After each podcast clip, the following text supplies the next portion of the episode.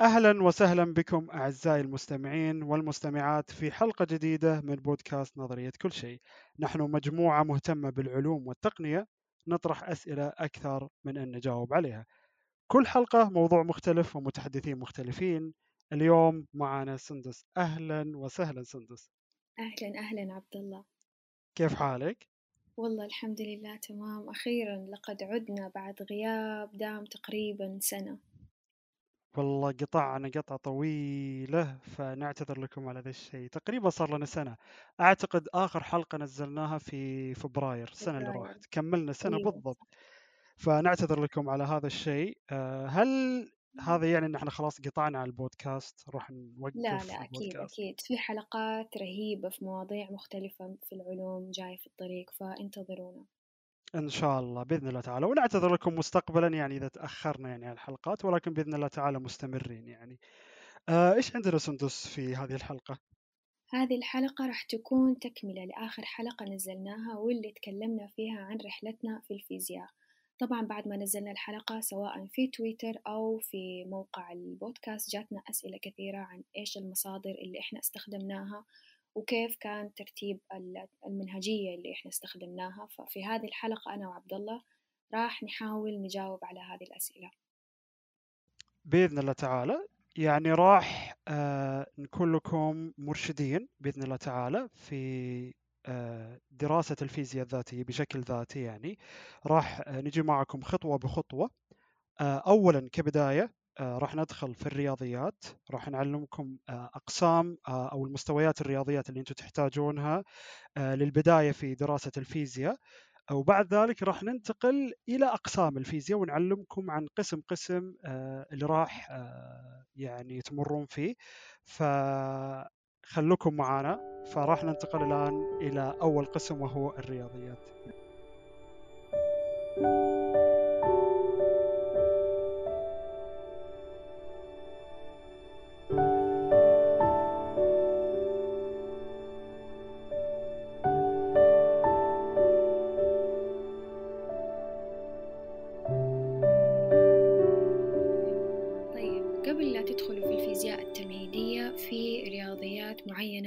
تحتاجوا تعرفوها فإذا ما عندكم خلفية رياضية أو المنهج الثانوي خلاص تبخر منكم آه، راح ننصحكم تعيدوا الرياضيات من الصفر. بهذه الطريقة الفيزياء أو- الرياضيات كل شيء راح يكون سهل لأنكم راح تفهموا من البداية بشكل تدريجي. فا- وفي منصات كثيرة مو- موفرة منهجيات ممكن تساعدكم مرتب فيها كل شيء بطريقة جدا جدا جميلة. فأول ما بعد ما تتقن المهارات الرياضية البسيطة اللي من البداية بعدها تنتقل إلى الأقسام اللي شوي متقدمة أكثر بس مو مرة بس شوية. زي منهج ال- زي الجبرة 1 والجبرة 2 بعدها الجيومتري بعدها علم المثلثات بعدها حساب التفاضل والتكامل الأساسي مش المتقدم في أساسي. وراح نقول لكم المنصات اللي راح تلاقون فيها كل هذه الدورات. أول شيء آه، منصة خان أكاديمي أكاديمية خان. هذه المنصة عندها تقريبا منهج الرياضيات من الصفر من حساب الأعداد تقريبا. فراح تلاقون فيها الدروس مرتبة فيها بشكل جدا مميز في اختبارات ممكن أنت تختبر نفسك فيها وطريقة فهمك تساعدك بالتدريج. أيضا آه أيوة أيضا قناة The Organic Chemistry اللي موجودة في اليوتيوب. طبعا هذه القناة جدا معروفة والجميل والمميز في القناة هذه إنه في كل درس الأستاذ اللي يشرح فيها يعطيك كذا أمثلة تساعدك في الفهم أكثر يحل معاك كذا سؤال وبعدين يعطيك مثال ثاني يطلب منك توقف الفيديو وتشوف هل أنت فاهم الحل وبعدها فطريقة جدا جميلة وأصلا الرياضيات ممارسة. فإذا مارستوا أنتوا راح تفهموا بإذن الله. وأيضا في قناة اسمها أنا حر. صراحة ما أعرف اسم الأستاذ لكن أنا شخصيا استفدت منه. الجميل إنه يشرح منهج التفاضل والتكامل بشكل مرة بشكل يعني جدا عميق وجميل ويشرح المفردات وكل شيء. وأيضا المميز في القناة إنها باللغة العربية للناس اللي ما تحب تتعلم باللغة الإنجليزية. إذا خلاص خلصتوا كل هذه الأشياء وتعلمتوا وصارت عندكم الأساسيات الرئيسية في الرياضيات هنا أنتم مستعدين آه، تنتقلوا إلى مقدمة الميكانيك التمهيدية. فيلا ننتقل الآن إلى قسم الفيزياء.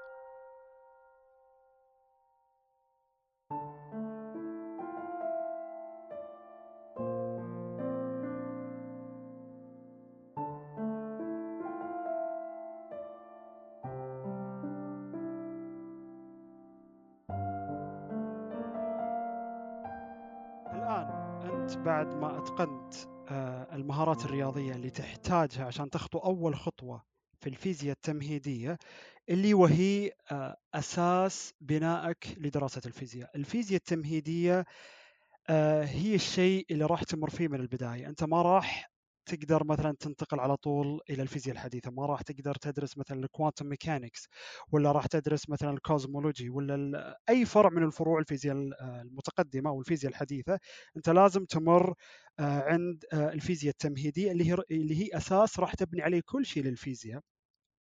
طبعا آه، منهج الفيزياء التمهيدية إيش راح يمر عليك؟ آه، راح يعني آه، تمر عند مثلا أساسيات الحركة آه، راح تمر عند قوانين نيوتن الطاقات مثل الطاقة الحركية مثل الجاذبية وإلى آخره.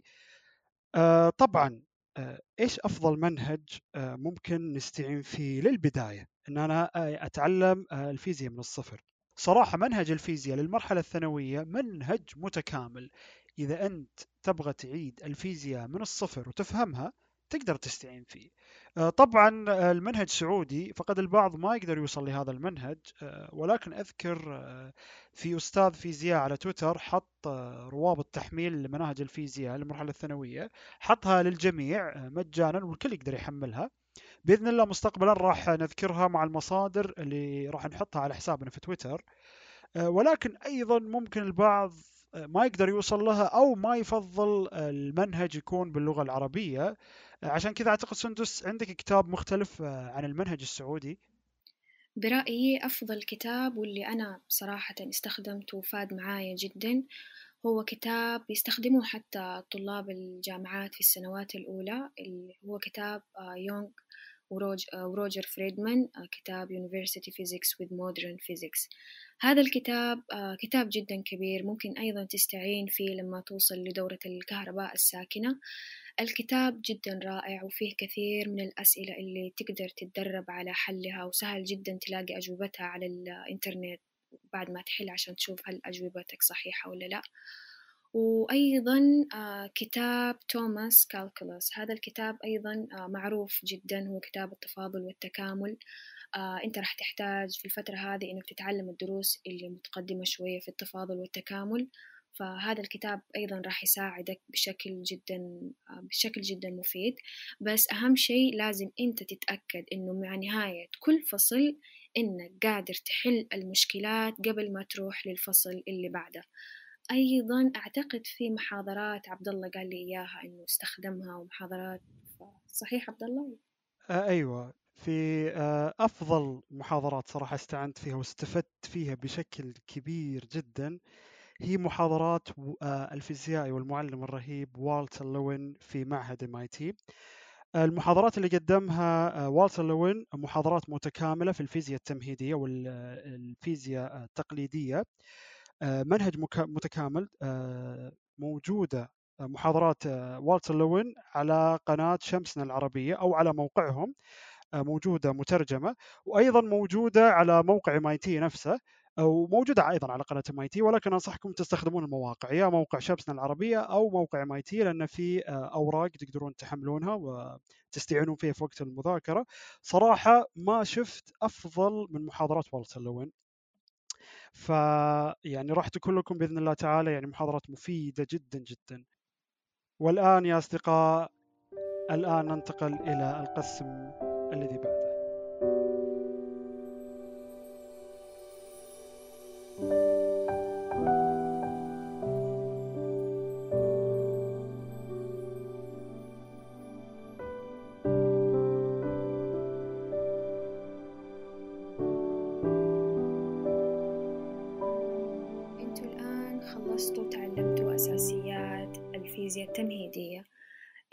تقريبا أنتوا خلاص مستعدين تنتقلوا إلى دورة الكهرباء الساكنة وهذا المكان اللي راح تتعرفوا فيه على الكهرومغناطيسية في المواقف اللي ما تتضمن أي حركة والموضوعات اللي راح تدرسوها هي الشحنات الكهربائية المجالات الكهربائية وأيضا المجالات المغناطيسية قانون غاوس المقاومة التيارات وكيفية عمل الدوائر. أيضا أفضل كتاب ممكن أنصح فيه واللي أنا استخدمته نفس الكتاب اللي ذكرته أول كتاب يونغ وروجر فريدمان University Physics with Modern Physics. راح تشتغلوا على فصول الكهرومغناطيسية وهي من فصل واحد وعشرين إلى فصل اثنين وثلاثين. نفس الرياضيات اللي احتجتوها في القسم الأول راح تحتاجوها أيضا هنا لذلك استمروا على نفس الكتاب كتاب كالكولوس توماس توماس كالكولوس عفوا. في في هنا في المرحلة هذه لازم تفهم كل أساسيات التفاضل والتكامل قبل ما تنتقل للمواضيع الجاية. أعتقد هنا أيضا عبد الله استعان بمحاضرات معينة. استفاد منها. أرجع وأكرر مرة ثانية. أعيد محاضرة الأفضل محاضرات استعنت فيها لهذا القسم هو أيضا مرة ثانية محاضرات الفيزيائي والتر لوين أيضا موجودة على موقع شمسنا العربية مترجمة وموجودة على موقع MIT للي حاب يعني يرجع للمحاضرات الأصلية. طبعا حاب أنوه أن موقع شمسنا العربية للأسف الشديد في عيب واحد ألا وهو جودة الفيديو. فجودة الفيديو للأسف سيئة جدا فإذا جيت مثلا أنت تتابع المحاضرة وتشوف مثلا البروفيسور هو قاعد يكتب المعادلات على السبورة نوعا ما راح يكون صعب عليك إنك تركز شوي ف ولكن لا بأس فيها يعني تقدرون تستعينون فيها ولكن يفضل إذا أنت عندك اللغة الإنجليزية ممتازة انتقل إلى موقع MIT وتابع المحاضرات هناك. فالآن ننتقل إلى القسم الذي بعده.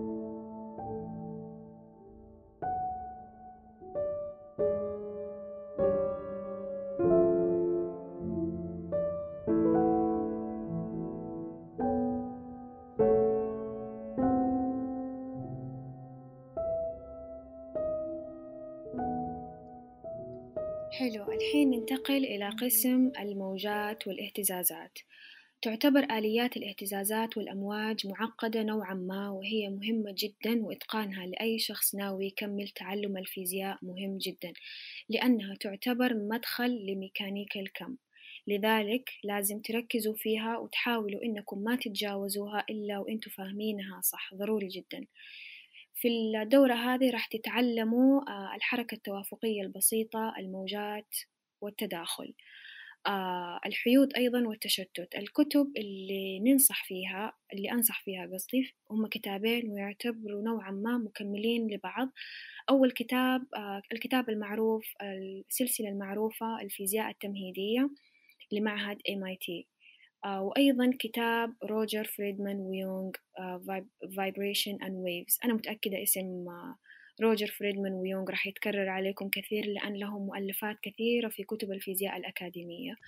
وكالعادة كالعادة لأنه الفيزياء والرياضيات يعتبروا ما أبغى أقول توأم لأنه الفيزياء هي اللي تحتاج كالعادة يعني نعرف هذا الشيء.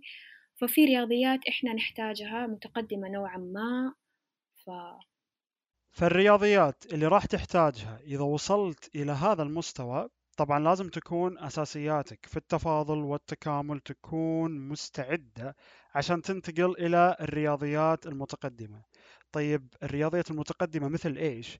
الرياضيات المتقدمة مثل الجبر الخطي التحليل المعقد المعادلات التفاضلية الجزئية والمعادلات التفاضلية العادية طيب إيش أفضل كتاب ممكن أستعين فيه لهذا المست... لهذا المستوى؟ ما أعتقد في أفضل من كتاب Advanced Engineering Mathematics لدينيس زيل. ومن هنا مفترض إلى هذه المرحلة إنك تكون جاهز إنك تروح إلى أو تنتقل إلى مرحلة الفيزياء الحديثة. فهنا نقدر نقول لك مبروك. إذا أنت وصلت إلى هذا المستوى نقدر نقول لك مبروك آه ونصفق لهم سندس إنهم وصلوا لهذا المستوى. يستاهلوا. يستاهلوا والله صراحة. اللي يوصل لهذا المستوى يعتبر يعني بطل. بطل بالنسبة لنا صراحة. فيلا الآن ننتقل إلى آه، الفيزياء الحديثة. فنشوفكم هناك.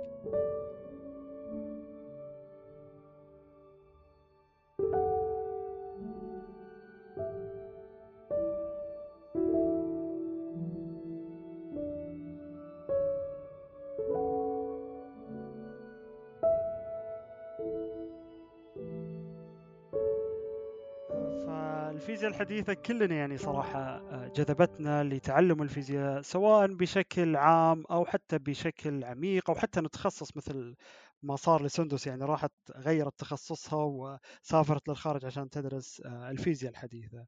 صحيح هي السبب اللي خلتني أغير اللي خلاني أغير تخصصي وأتجه للفيزياء وأسافر مسافة جدا طويلة.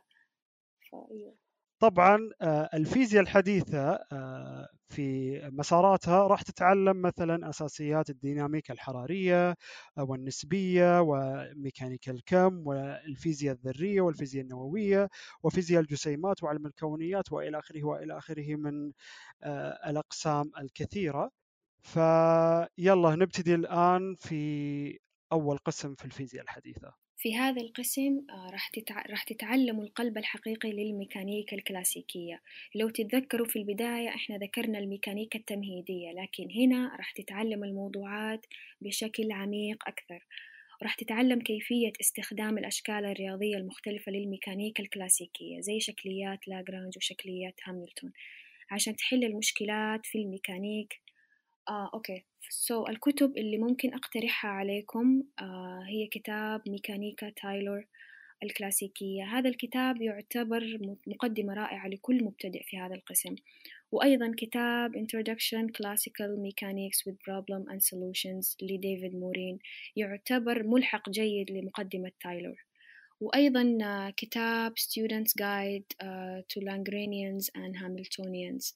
لباتريك هيمل. هذا الكتاب راح يساعدك تتقن فهم شكليات لاجرانج وهاملتون في الكلاسيكية وأنت أكيد تحتاج تتقنها بشكل جيد إذا كنت آه إذا كنت ناوي إنك تفهم ميكانيكا الكم لاحقا.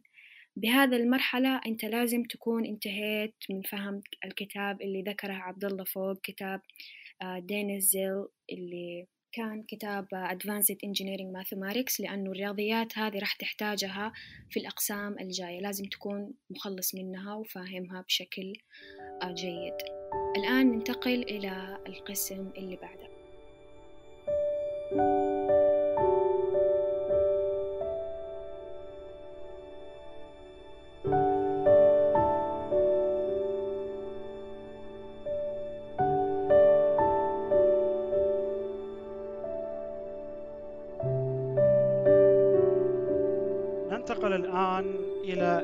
الديناميكا الكهربائية لو تتذكروا آه، قبل شوي تعرفنا على الكهرباء الساكنة غير المتحركة والمغناطيسية. في هذه المرحلة أنت مفترض تعرف الرياضيات اللازمة لفهم الديناميكا الكهربائية واللي تشمل كل شيء عن الكهرباء والمغناطيسية الكلاسيكية. في هذا الكورس راح تغطي الكهرباء الساكنة بشكل أعمق بعدها راح تتعرف مثلا على معادلة لابلاس آه، الاستقطاب آه، العوازل الكهربائية وقانون قوة لورنز آه، والمتجهات المغناطيسية ومعادلات ماكسويل والموجات الكهرومغناطيسية والإشعاع والنسبية الخاصة وإلى آخره. أعتقد سندس في كتاب لهذا المستوى. أكيد أكيد. أهم كتاب أنا ممكن أنصح فيه واللي استفدت منه هو كتاب مقدمة جريفت في الديناميكا الكهربائية. هذا الكتاب معروف جدا بين الطلاب ويستخدموه طلاب الجامعات ويعتبر واحد من أفضل الكتب في الفيزياء. إذا أتقنت وقدرت تحل المشكلات اللي موجودة في هذا الكتاب فإن شاء الله أمورك سليمة وإنت ماشي صح. وأيضا كتاب An Informal Text on Vector Calculus لشيء هذا الكتاب يعتبر آه، هو كتاب قصير ومفيد لحساب المتجهات عند العمل على متجهات الديناميكا الكهربائية. وأيضا كتاب دليل الطالب لمعادلات ماكسويل لفليش. مهم وضروري ويعتبر ملحق. وأيضا معادلات ماكسويل لأصدقاء مهم تتقنوها في هذه المرحلة عشان تفهم الديناميكا الكهربائية. وما تتعداها وإنت إلا إلا وإنت فاهم كيفية حل واستخدام معادلات ماكسويل. أوكي يا أصدقاء الحين في هذه المرحلة أقدر أقول لكم إنه إنكم أنتم مستعدين تماما تبدأوا تغوصوا في أساسيات ميكانيكا الكم وتطبيقاتها. فاللي وصل إلى هذا المستوى وأتقن جميع المستويات اللي إحنا ذكرناها صراحة آه، يعني نعتبركم وصلتوا إلى مرحلة كبيرة صراحة. يعني اللي يوصل إلى هذه المرحلة بالنسبة لي بالنسبة لي شخصيا آه، ما أشوفك دكتور ما أشوفك بروفيسور ولكن أشوفك يعني شخص مميز جدا صراحة صحيح كثير منكم يتساءل مع نفسه هل أنا مستواي العقلي ومعدل ذكائي الحالي يسمح لي أني أدرس وأفهم الرياضيات والفيزياء وأتخصص فيها؟ أقول لكم من هذا المنبر فهم الفيزياء والرياضيات ما يحتاج أشخاص يكونون آه، خارقين الذكاء أو يكونون آه، من عائلة معروفة بالعبقرية بل فهم هالمادتين يتطلب الجهد والمثابرة والصبر والممارسة خصوصا الممارسة حطوا تحتها 500 خط. راح أضرب لكم مثال عن شخص. طبعا ما راح أذكر شخصية تاريخية كالمعتاد. لا لا. هالمرة أنا يا الشخص العادي بكون مضرب للمثال لكم. أنا شخص ما كنت آه، متفوق ولا ممتاز في المدرسة تحديدا في المواد العلمية خصوصا في الرياضيات والفيزياء.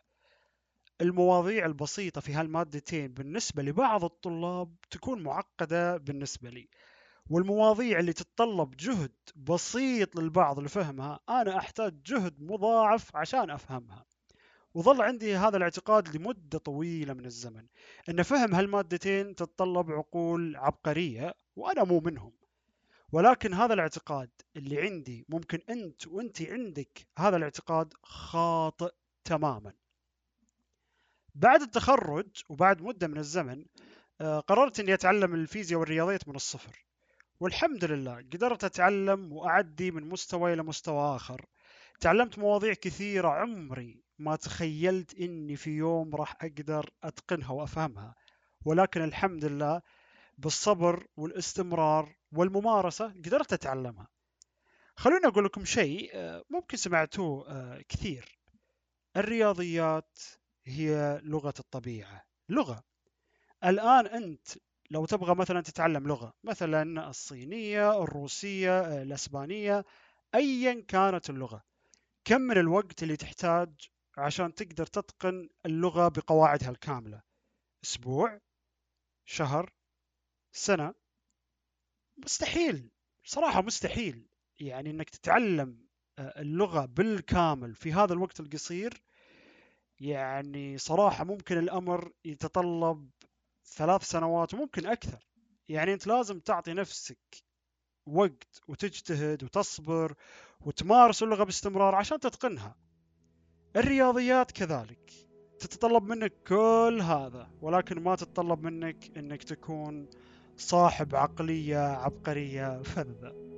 الله عليك يا عبد الله ما عندي أي إضافة بعد كلام عبد الله غير إني أشجعكم تتعلموا لأنه أصدقاء كل المصادر التعليمية موجودة في الإنترنت بشكل مجاني. إحنا نعتبر جيل جدا جدا محظوظ. لو تفكروا الأجيال اللي قبلنا ما كان عندهم لا إنترنت ولا مصادر مفتوحة يتعلموا فيها بشكل مجاني ولا أي شيء. فإحنا نعتبر جيل جدا محظوظ. كل شيء حرفيا في يدنا ونقدر نتعلم. كل اللي نحتاجه إنه إحنا نجبر نفسنا وتكون عندنا الرغبة في إن وهنا نصل إلى نهاية الحلقة فيلا نشوفكم على خير ومع السلامة إلى اللقاء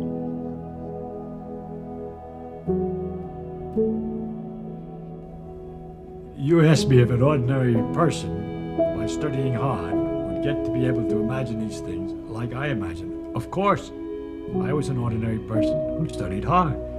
There's no miracle people. It just happens they got interested in this thing and they learned all this stuff. They're just people.